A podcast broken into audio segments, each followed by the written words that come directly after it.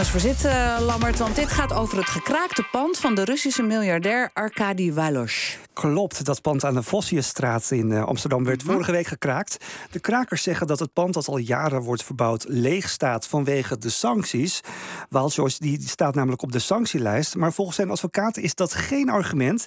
Die zegt, volgens geldende sanctiewetgeving kan een individu gewoon in zijn pand wonen. En daar dienen vandaag dan hier ook een kort geding over. Ja, en dan is de vraag, mag hij daar inderdaad wonen? Ja, het zou toch raar zijn, want wat Ja. heeft zo'n sanctie dan voor zin? Ja. Nou, we gingen het checken. Ik vroeg het eerst aan correspondent Joost Bosman wie Walos nu is. Hij is een programmist die al in de nadagen van de Sovjet-Unie eh, software eh, ontwikkelde. En, en eh, in de jaren negentig is hij de oprichter geweest van het bedrijf Yandex, het Russische bedrijf Yandex. Eh, en dat is een Russische, begonnen als een Russische zoekmachine. Mind you, één jaar voordat eh, Google daarmee kwam. Ja, Walos staat als persoon op de sanctielijst, maar het gekraakte pand staat weer op naam van een bedrijf van Walos, dat ook op de sanctielijst staat overigens, vertelt Hans van Koningsbrugge, hoogleraar geschiedenis en politiek van Rusland aan de Universiteit van Groningen.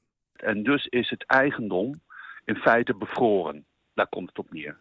En bevroren, dat betekent dus dat eh, de bezitter, eh Walos natuurlijk, de, de oprichter van Yandex, dat hij niet in dat pand kan. Dat is helder, maar dan zegt zijn advocaat van Walos dus dat hij er wel in mag. Ja, en het is voor Walos ook geen enkel probleem om de EU binnen te komen, verduidelijkt correspondent Joost Bosman. Walos heeft twee andere paspoorten. Een Israëlisch paspoort en een Maltese paspoort. Hij woont ook al jaren in Israël. Eh, dat betekent dus als hij eh, reist met zijn Israëlische paspoort...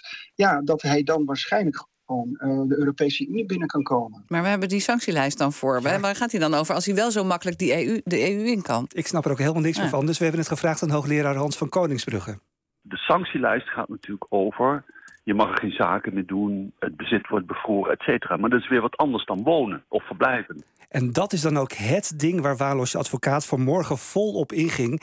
Hij zegt dat de oligarch hier alleen komt wonen, vertelt advocaat Helene Over de Linden, die als expert sanctierecht ook bij deze zaak betrokken is.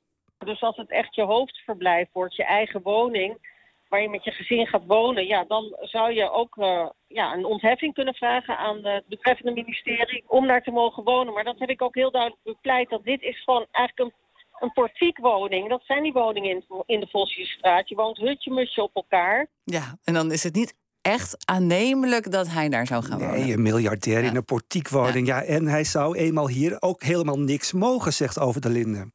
Er is geen taxichauffeur die hem mag vervoeren, want je mag gewoon niks meer met een gesanctioneerde Rus. Je mag eh, geen geld van hem aannemen en hem ook niet betalen. Dus ja, dan wordt het verblijf hier ook ingewikkeld. Hij zou zelfs moeite moeten doen om eten te kopen, zegt advocaat Helene Over de Linden. Ja, nou ja, daar is dan ook een bepaling voor. Dan kan hij ook de autoriteiten vragen om vrijstelling voor eh, noodzakelijke basisbehoeftes. Dus daar zijn op grond van eh, ja, de rechten van de mens is die bepaling er ooit ingekomen. Van ja, je kan iemand niet zijn huis en haard afnemen.